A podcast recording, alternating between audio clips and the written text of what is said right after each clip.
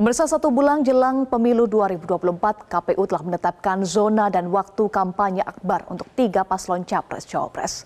Informasi selengkapnya akan disampaikan jurnalis Metro TV Sarah Ruhendi dari KPU Jakarta. Sarah, seperti apa mekanisme kampanye akbar yang telah ditetapkan oleh KPU RI?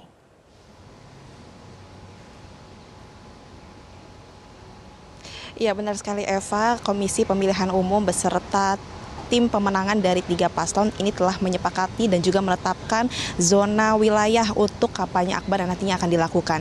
Pembagian zona wilayah ini diperhat ditentukan berdasarkan zona wilayah waktu yang ada di Indonesia dan juga memperhatikan bagian uh, pembagian dari 38 provinsi yang ada di Indonesia. Adapun tiga zona wilayah tersebut ini terbagi menjadi tiga yakni zona A, zona B, dan zona C atau dapat dikatakan menjadi zona Indonesia Barat, zona Indonesia Timur, dan zona Indonesia Tengah.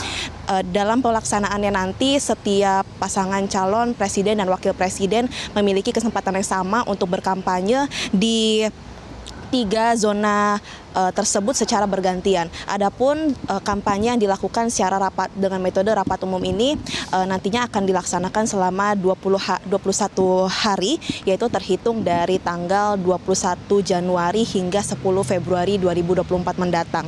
Nah, nantinya uh, durasi kampanye akbar ini per zonanya nanti akan dilakukan selama dua hari. Uh, pelaksanaan dari mekanisme kampanye akbar ini nantinya tidak hanya berlaku bagi pasangan calon presiden dan wakil presiden saja, namun turut juga berlaku untuk tiap partai politik. Adapun nantinya tiap parpol akan mengikuti zona wilayah dari pasangan calon presiden dan wakil presiden yang telah diusung. Adapun uh, ini tidak berlaku bagi dua parpol yakni untuk parpol untuk Partai Buruh dan juga Partai Kebangkitan Nusantara. Diketahui memang untuk Partai Umat akan mengikuti zona wilayah dari pasangan calon nomor urut satu yakni Anies e, Baswedan dan juga Muhaimin Iskandar sementara untuk Partai Gelora nantinya akan mengikuti zona wilayah dari pasangan nomor urut dua yakni Prabowo Subianto dan Gibran Rakabuming Raka.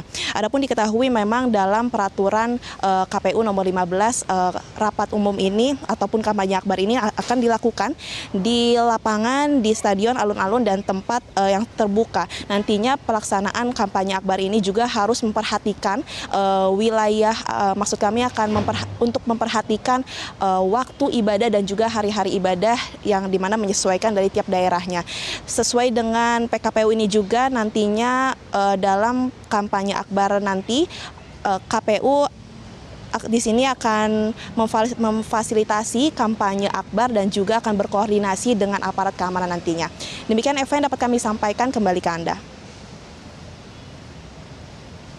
Terima kasih Sarah Ruhendi untuk informasi Anda. Pemirsa demikian headline news untuk saat ini. Jelajahi cara baru mendapatkan informasi. Download Metro TV Extend sekarang.